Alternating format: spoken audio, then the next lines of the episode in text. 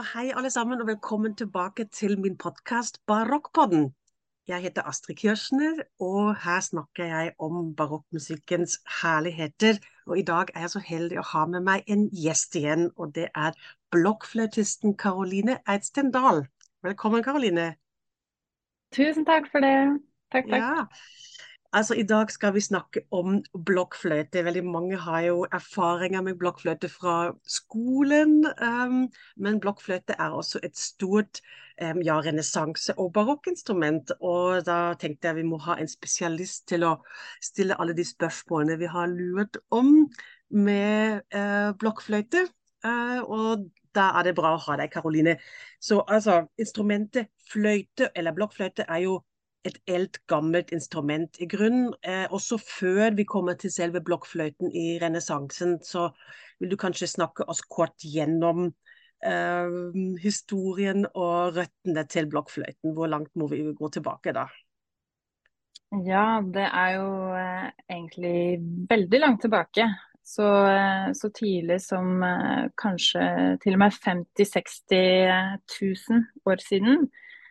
Eh, oh, wow. Helt tilbake til faktisk eldre steinalder. Da, da, har man funnet en fløyte med helt tydelig eh, hull. Altså det, den er eh, Jeg tror den er sånn drøyt 10 cm lang. Det er fire hull.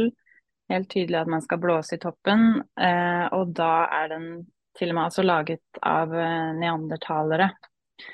Den, mm. Eh, den, er funnet i Slovenia, og eh, man har liksom analysert at den er faktisk da laget av eh, altså bein. Det er til og med lårbeinet til en bjørn, har man funnet ut.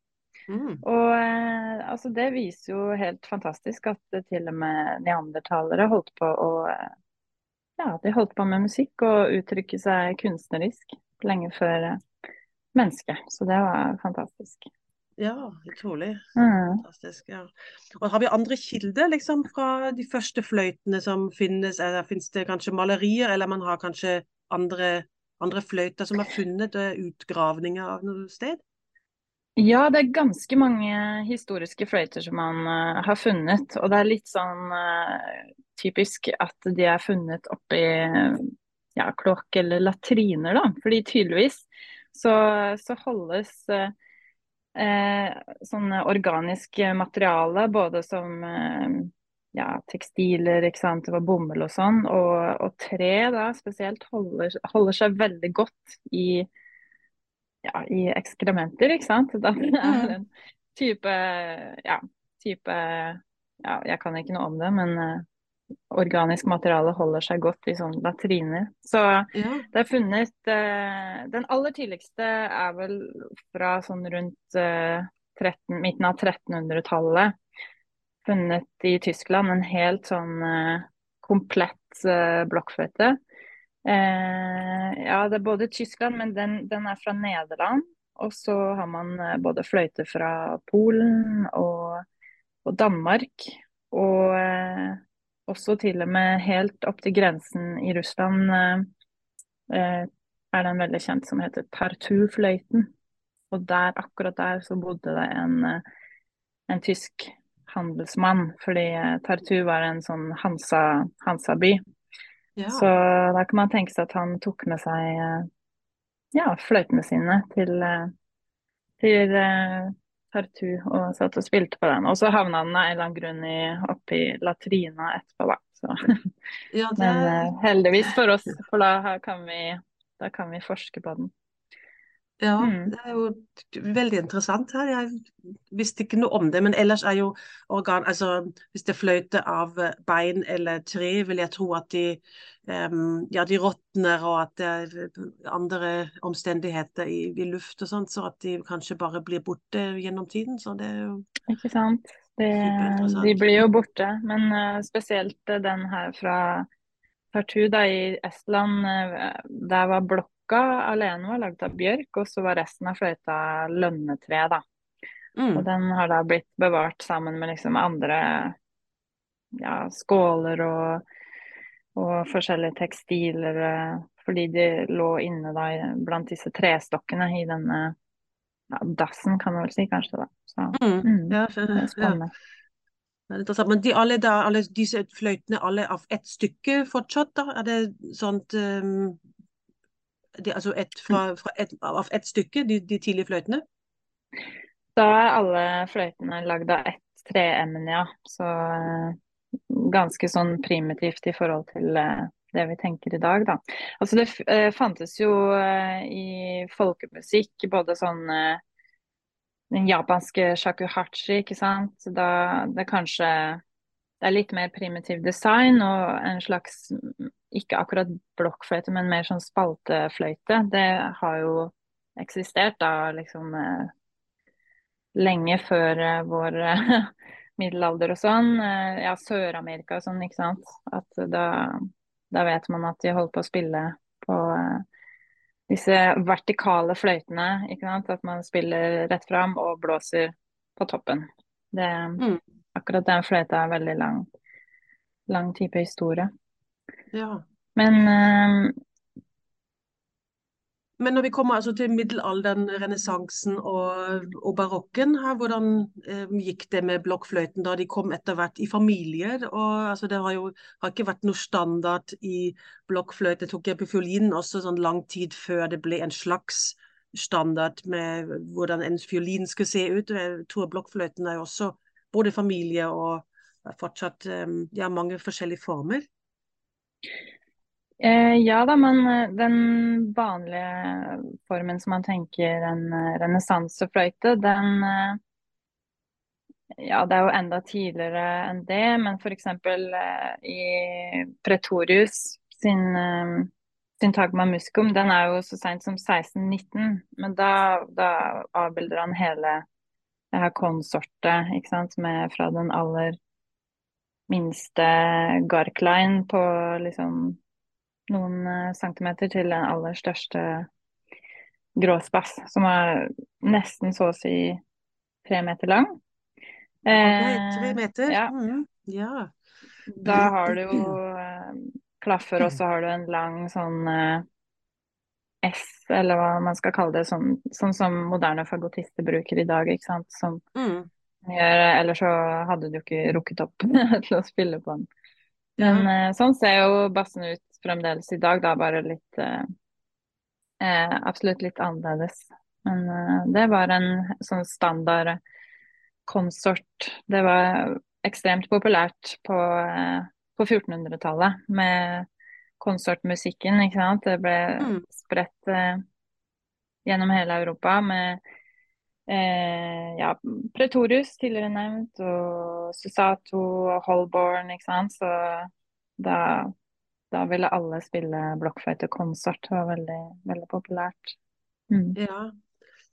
Men vi ser jo i, i, oppstarten av barokken så løser seg instrumentalmusikk mer fra vokalmusikk, og det ser vi jo på Fulin òg, eh, som jeg vet litt mer om, da, men at, eh, at, instrumentalmusikken blir mer og mer virtuost, og jeg vet at det skjedde med blokkfløytene også, da. Så de um, instrumentalistene søkte etter hvert mer en, etter en både idiomatisk klang og også en, en prøvde å finne ut hva kan eh, hva kan mitt instrument gjøre som det vokale ikke kan. Og jeg vil tro at det skjedde også um, med blokkfløytene, da. Sånn at, um, mm.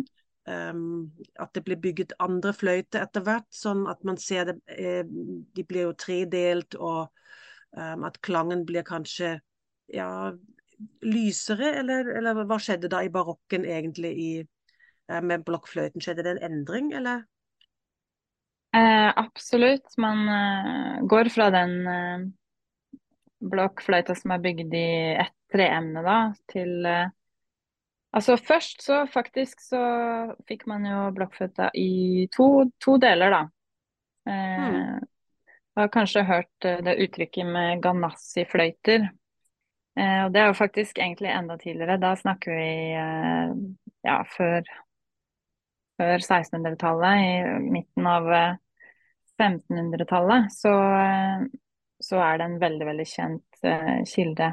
Det var Sylvester Ganassi som ga ut La Fontegara, som er en sånn uh, treatise eh, om eh, hvordan spille blokkfløyte, og det aller mest guddommelige av alle hvordan eh, hvordan klare å herme så godt du kan den, det beste instrumentet av alle, nemlig stemmen. Som du, som du mm. også nevnte, ikke sant? Ja. Um, ja og det, så det, det, har vi lenge før barokken, egentlig. Han uh, Altså, det er litt sånn um, Man diskuterer egentlig Fordi jeg tror ikke man har funnet noe Ganassi fløyte, men han i denne svære boka, da, så har han side på side med greptabeller.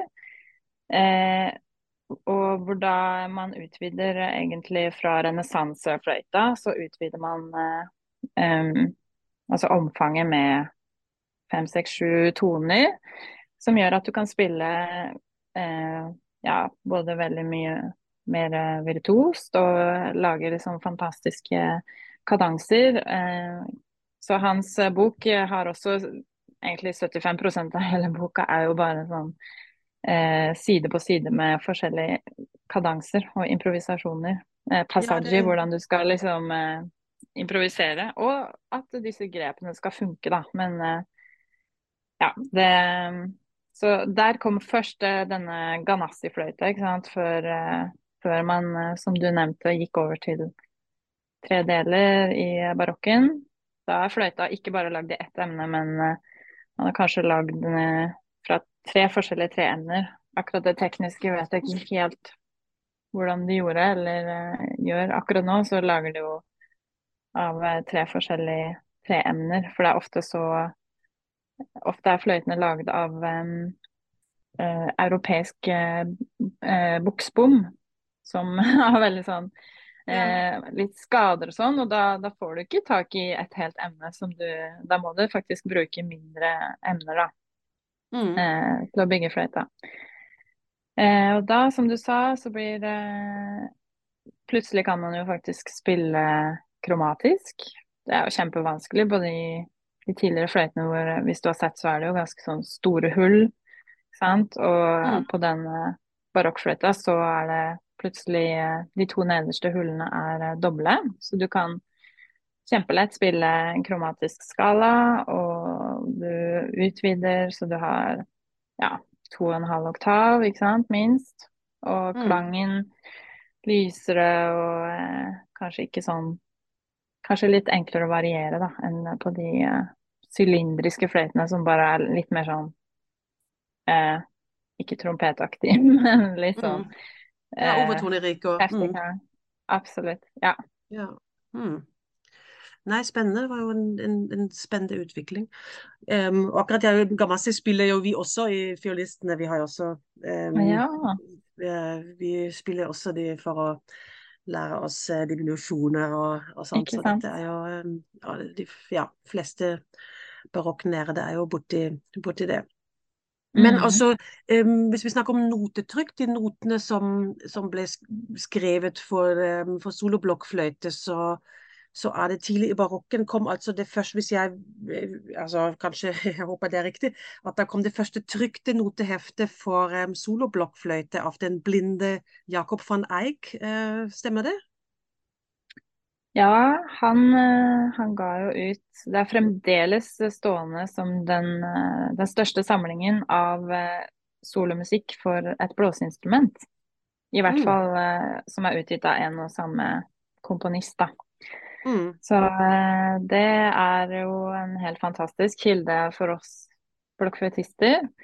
Han, eh, han, var, som du sa, han var blind, og han, eh, han er tydeligvis i carillonist, altså klokkespillmiljøet, så er han eh, eh, like kjent som for oss blokkfløytister i at han var den som utviklet hvordan man eh, intonerer klokkespill. Og liksom jeg tror han var med på å virkelig utvikle den altså, moderne eh, eller hva sier man.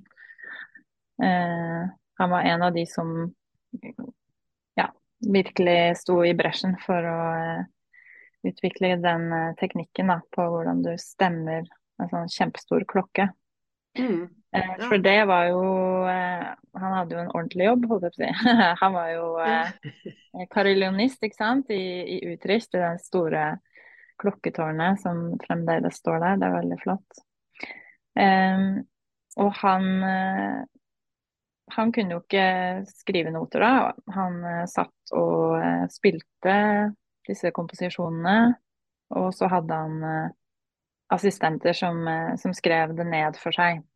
Mm, ja. Og han brukte jo Så det er en kjempestor samling. Det var nå, det, nå, har de gjort det til tre bøker, men jeg tror det var to to bøker når han eh, ga det ut. Den første i 1644.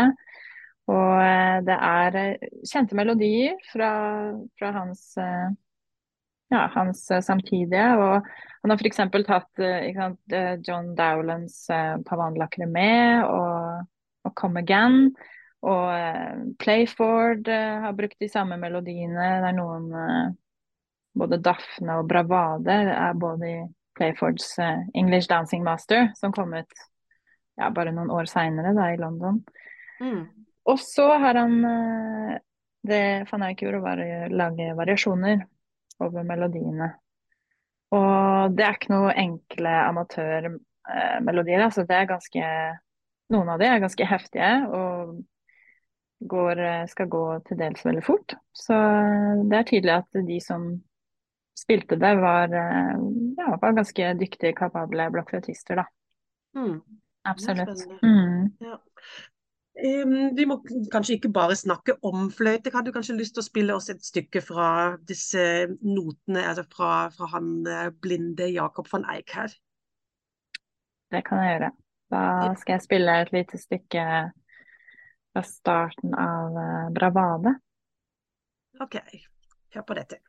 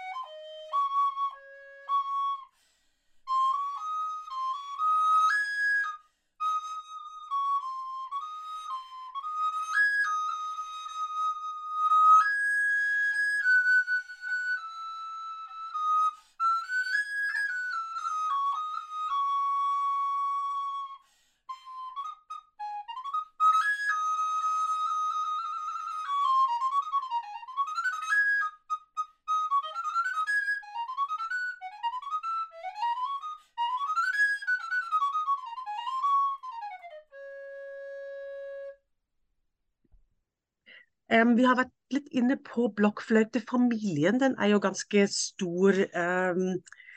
Karoline, vil du snakke oss litt gjennom her hva slags blokkfløyte egentlig finnes? Um, altså Det er jo en, en større familie enn fiolinfamilien, uh, så vidt jeg har skjønt. Uh, så kanskje kan vi ha, høre på eksempler også for, uh, for, noen av de mest ekstreme, kanskje høyeste og laveste. Så hva, hva finnes det? Hva, hva er det du har her? Ja, jeg har jo ikke den aller største som jeg snakket om, som er eh, nesten eh, ja, to, to og en halv meter. Men eh, byggeren, eh, Peter Bresson, han, eh, han eh, lagde faktisk en sånn. Den, den fins i London fra ja, helt på slutten av 1600-tallet. Men jeg kan spille litt på en man kaller bassett, eller en helt vanlig F-bass. Som for eksempel har eh, Carl Philip Emanuel Bach skrevet en uh, triosonate for uh, bassblokkfløyte og bratsj og uh, basso continuo. Så sånn låter bassen.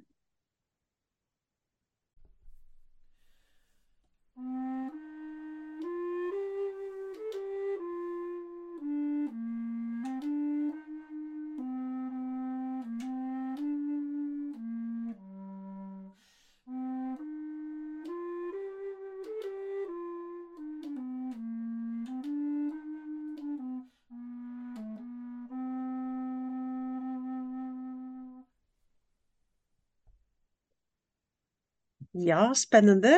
Og har du andre fløyter også å by på? Eh, ja, vi har jo akkurat som i koret, så er det bass, tenor, alt, sopran. Og så den som er veldig søt, som f.eks. Vivaldi skrev eh, tre solokonserter for, er jo sopraninoen. Eh, eller han kalte det flautino, da. Og eh, den betyr jo egentlig bare en liten sopran. Er en oktav lysere enn alt blokkfløyta, som kanskje er den mest vanlige. Den høres litt sånn ut.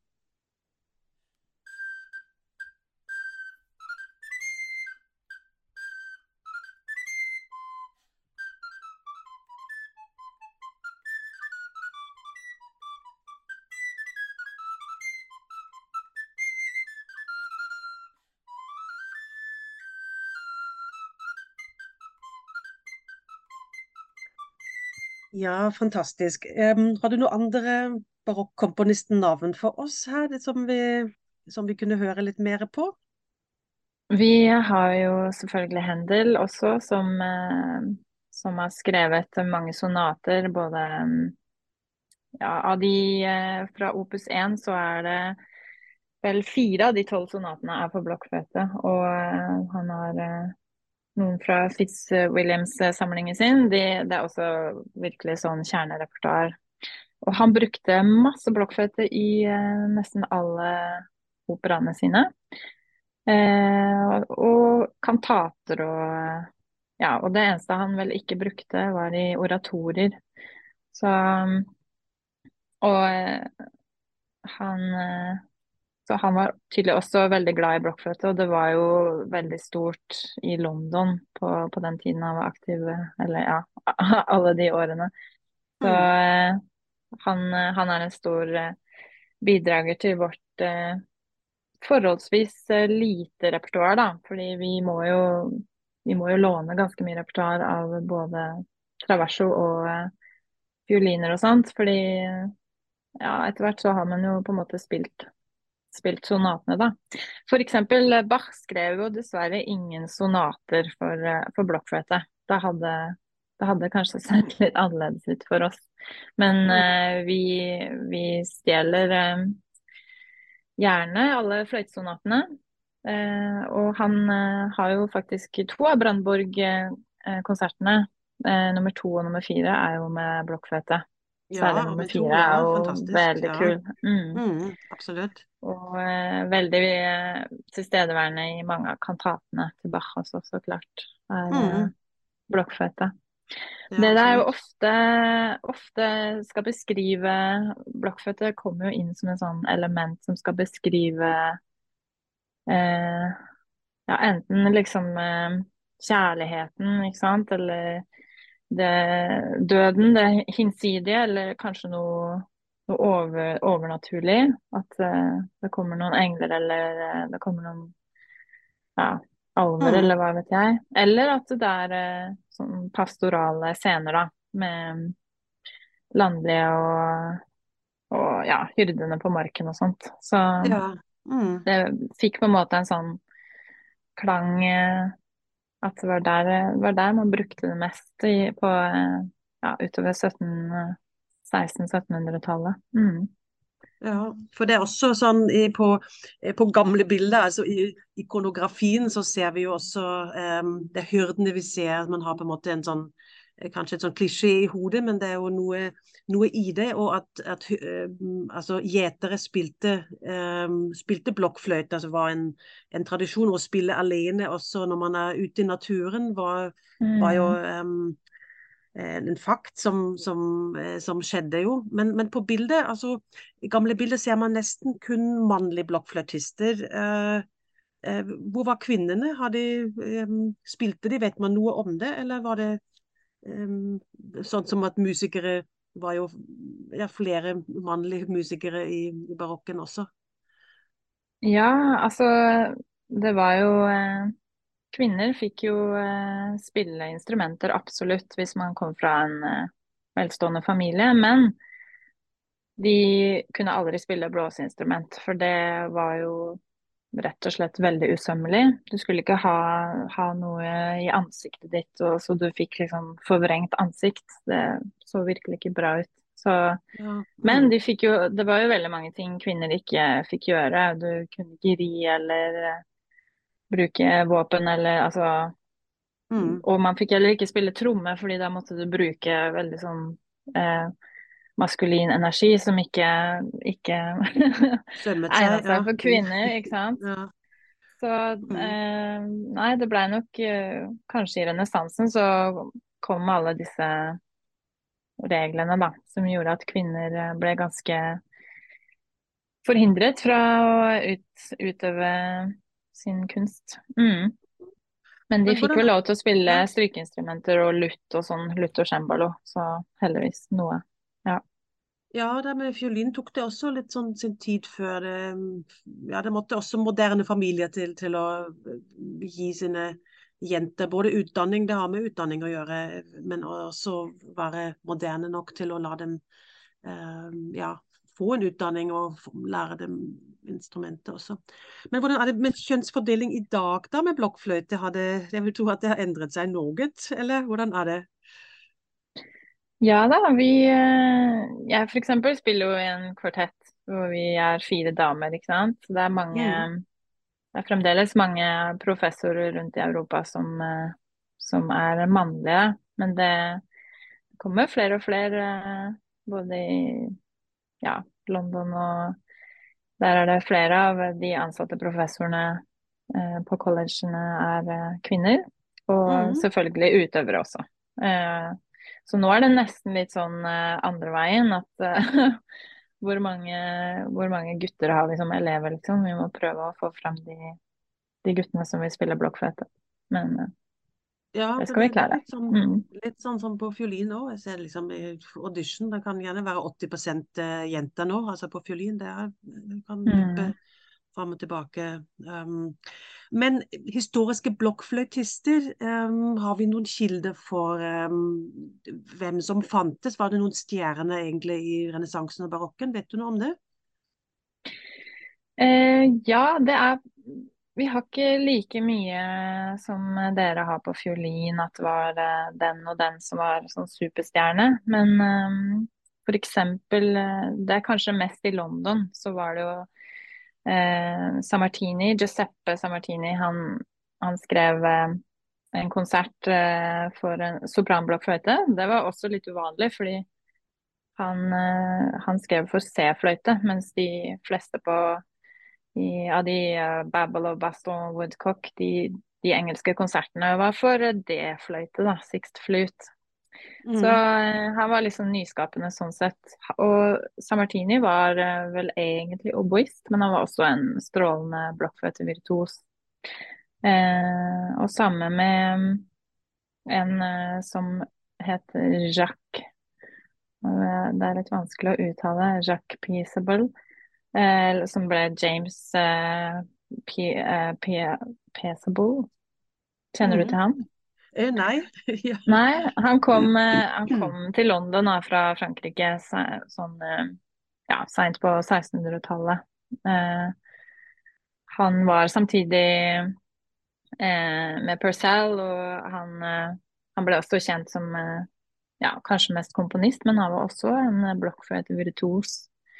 Og dessuten så er det han her Samuel Pepys. Det Mm. finnes noen kilder på at han, eh, han, han spilte jo først et veldig sånn eh, in fashion instrument som het eh, flasjolett. Men så gikk han på en konsert eh, hvor han hørte blokkfløyte, og da, da måtte han bare bytte over og begynne å spille blokkfløyte istedenfor. Du kjenner litt til han Samuel Pepys, eller? ja, det, jeg har vært um, Jeg har lest en god del i hans dagbøker, for der, han er en, en superkilde til å til eh, både musikkliv og liv ellers i, i London eh, mellom jeg tror det var 1660 til 16 ja, var det 68 eller noe sånt. Han skrev eh, dagbok. Eh, Samuel Pepys var en superinteressant person, levemann og diplomat. og um, elsket eh, eh, musikk og kultur og teater og kvinner og, um, og makt. Så han var eh, Det er veldig mye interessant han skriver hver dag. Eh, dagbok lenge før det var modernt med, med å skrive dagbok. Og veldig um, skriver veldig personlige og intime ting, og også skriver mye om, om konsertlivet. Så derfor er det, er det veldig interessant. Han skriver også om The Great Fire i London og om svartedauden og mye interessante ting. og Derfor um, har jeg vært eh, borti dem. Disse dagbøkene er så veldig spennende kilder. Og, um, og da vet jeg at han spilte flasjolett, for jeg reagerte på um, Flasjolett er jo noe vi fiolinister også bruker som en teknikk å spille på fiolin. Eh, man skal ha en sånn fløyteaktig klang. Um, så jeg har alltid lurt på hva slags instrument det var egentlig. Det står noen steder jeg øvde litt på min flasjolett i dag. sånn. um, men det er en, en sånn enkel fløytetype. Jeg, ja, jeg kjenner ikke Jeg har sett noen bilder. Jeg har aldri prøvd å spille på en flasjolett, men det er, eh, det er også en sånn slags fippelflut, da. En sånn vel spaltefløyte. Og antagelig med ganske lignende grep som på blokkføtte. For øvrig så kan vi jo blokkføtister også Vi kan også lage flasjolettklang, da. Det må jeg bare skyte inn der. Mm. Eh, men jeg tror at den ja, den var veldig populær blant eh, amatører og sånn i London, og så gikk den kanskje litt av moten. Eh. Eh og det fins også noe som kom seinere, når blokkfløyte gikk litt av moten igjen, som heter sjakan. Som kanskje heller ikke har slått eh, helt an, da, men det er mer sånn eh, ja, klassisk klassisk instrument. Så mm. Mm. Ja. Men altså, seinere i høybarokken så fikk jo blokkfløyten også en del konkurranse da traversfløyten dukket opp. og Så ja, koeksisterte de to fløytetypene ja, fint ved siden av hverandre, men etter hvert når det nærmet seg ja, den galante stilen og wienerklassisismen, så, så tok traverseren egentlig mer og mer over da. Um, for jeg ser litt i partiturene sånn fra 1750 ca., så betyr flauto i notene, altså i partiturene, betyr automatisk traverso, mens det i tidligere partiturer um, um, ble det egentlig skrevet inn flauto traverso, sånn spesifikt mm. når man vil ha traversfløyte. Så det, blir, det skjer en liten sånn endring akkurat der. Ja. Ja, da mm. fram til uh, som du sier, eh, eller sånn kanskje til og med rundt 1720, så skrev man bare flut når man eh, Og da mente man blokkfløyte. Mm. Så etter hvert så, når traversoen ble den som var flut, så måtte man kanskje kalle blokkfløyte for English flute i sånne partiturer, da. Og mm. Eh, så kalte man, ja, til sammenligning traverso også German flute. Så ja. Mm. Ja, det er mange mange, mange navn der. Mange betegnelser, ja. Mm. Um, men altså, uh, på, eh, på, på 1900-tallet, altså litt i mer moderne tid, så ble jo blokkfløyten etter hvert oppdaget, gjenoppdaget, må vi si. da, fordi På 1800-tallet var det relativt stille rundt blokkfløyten, var det ikke? Jo da, det, den gikk jo litt ut av uh, fashion, ikke sant. Så mm. man, man kan tenke seg at det er med de store orkestrene, eller orkestrene ble større, og blokkfløyta hang etter både eh, ja, dynamisk og, eh, og også omfang. Vi har, ikke så stort omfang på en vanlig blokkfløyte. Men eh, som du sier, 1900-tallet, så i starten så ble det jo egentlig tatt fram litt mer som et altså skole, skoleinstrument. Altså den store faktisk i mellomkrigstida i Tyskland så, så brukte jo egentlig det her Hitlerjugend, da ble det Skulle alle barn spille blokkfløyte, så det ble liksom en sånn folkeblokkfløytebevegelse. Mm. Eh, og ja, alle Masse sånn undergrupper til blokkfløyter. De pentatone fløytene på Steinerskolen og Orff-fløyter, ikke sant. Mm. Eh, ble brukt eh, kanskje bare da mest i pedagogisk eh, sammenheng, da. Som jo kanskje har ødelagt litt for oss ja, hva skal jeg si, blokkfløytister i nyere tid. Ja. Mm. Ja, at man eh, ja, tenkte på det som et skoleinstrument og eh, et Men det er jo selvfølgelig ekstremt praktisk. Det er eh, billig å kjøpe og lett å ta med seg, og alle får lyd. Eh, Mm. kanskje ikke så veldig fin lyd, men eh, det, da tenkte man liksom dette er den beste måten vi kan lære barn eh, noter på. Mm. Eh, for det er veldig sånn konkret hvor, eh, hvor noten er. Men eh, ja, det, til og med i Norge så holdt man jo på med det. Så jeg spilte jo blokkfløyte med klassen min i om det var første eller andre, husker ikke. Så, og stakkars lærere og stakkars alle, andre. Ja. Det er jo ganske fryktelig, dessverre. Mm. Mm. Men altså, den blir jo da eh, brukt også som en sånn husmusikkinstrument. Jeg jo vokst opp litt med det her, at man spilte ja, husmusikk med, med blokkfløyte og fiolin, og, eller sånne ja, jule- og adventstilstelninger hvor man spilte sammen. Det har jo kanskje hatt noen fine, fine opplevelser òg for, for barn å være um, ja, et miljø hvor, man, hvor det går an å spille sammen på relativt, ja, la oss si lette instrumenter. Mm, absolutt. Akkurat sånn som du beskriver, har vi også hatt det hjemme hos oss, selvfølgelig.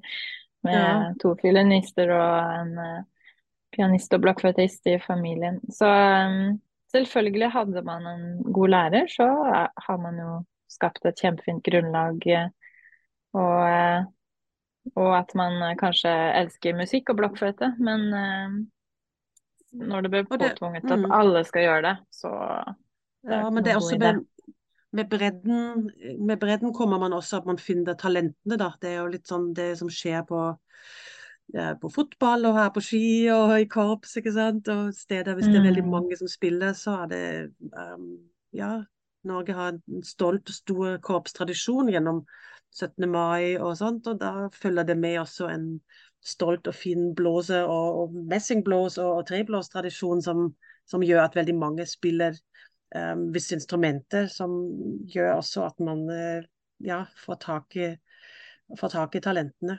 Hvordan du startet Mm. du på, eh, på Spilte du første gang blokkfløyte i skolen? Kom det via skolen at du ble blokkfløytist, eller hvordan skjedde det hos deg? Eh, Jeg starta faktisk eh, i musikkbarnehagen jeg, som fireåring. Eh, Ok, mm. Så da jeg var seks-sju, da begynte jeg hos eh, en lærer. Eh, Så ja, og så fortsatte jeg bare Jeg bestemte meg vel da jeg var 16 for at jeg skulle bli blokkfløytist. Da dro jeg på min første masterclass. Så Mm. mm, Jo, det er fantastisk. Det er jo ikke så mange sånn i, i Norge som lever av det, vil jeg tro. Nei, vi er ikke så mange. Og ja, leve av det også er jo de fleste underviser eller har kanskje et annet instrument eh, ved siden av, ikke sant. At, eh, Mm. eller eh, stipend, eller noen jobber med administrasjon, så Men ja, Mm. vi er noen stykker, da.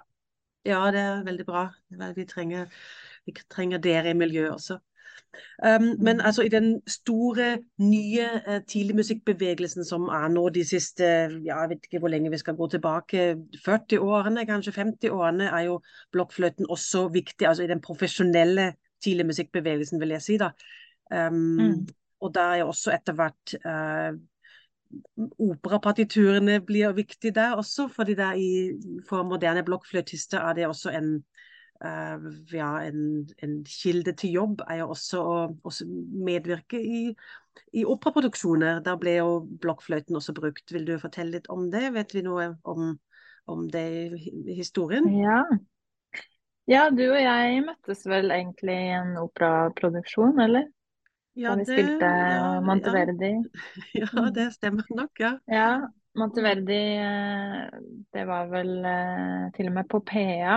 Eh, og jeg er litt usikker på det, men jeg tror at i den første operaen hans, i Orfeo, så har han eh, skrevet ganske mye mer detaljert hvilke instrumenter man vil ha, og da, da nevner han flauto eller eh, pifara som eh, ja, som kanskje skal illustrere da blokkfløyte, at han vil ha med det.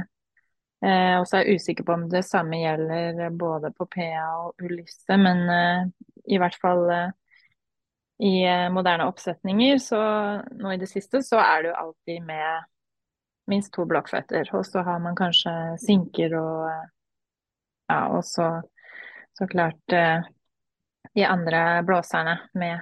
Så det gjør jo at det blir veldig rikt og flott orkestrering. Mm. Så både masse blokkfløyte, selvfølgelig i Händel og Händel-operaer og Cavalli, og, og, også franske Lully Rameau. Mm. Uh, mm. Så ja, orkesteret er liksom stort og veldig fargerikt, da. Med mm. kanskje en sopranino på toppen, ikke sant. Det ja, det er veldig at det er litt spennende. Så vi håper at det kommer snart en ny barokkproduksjon i operaen her også. Der får vi ja. med dette også, ikke sant. Håper, får vi håper det. Mm. Um, ja, jeg tror um, vi har lært mye spennende nytt her i dag om, om blokkfløyte og bakfløyte i, blokkfløyte i barokken og i renessansen. Um, kanskje vi skal avslutte litt med med et eksempel hvor du selv spiller. Um, hva syns du vi skal plukke her um, fra dine innspillinger, for du har gjort ganske mange også? Ja, kanskje vi skal ta fra en Telemann Fantasi, da, som, uh, som jo opprinnelig er skrevet for uh, Traverso, men uh, som vi alle blokkfløytister trykker varmt til, til hjertet. Ja, det kan dere godt gjøre. Ok, da skal vi avslutte litt med en uh, Telemann-fantasi uh, med Karoline Eidsten Dahl, og jeg takker for en veldig interessant og lærerik samtale. Så um, håper at vi ja, ses snart og um, spiller sammen snart også. Det gjør vi. Tusen takk, Astrid. Ja, ok. Vi snakkes. Ha det bra. Ha det.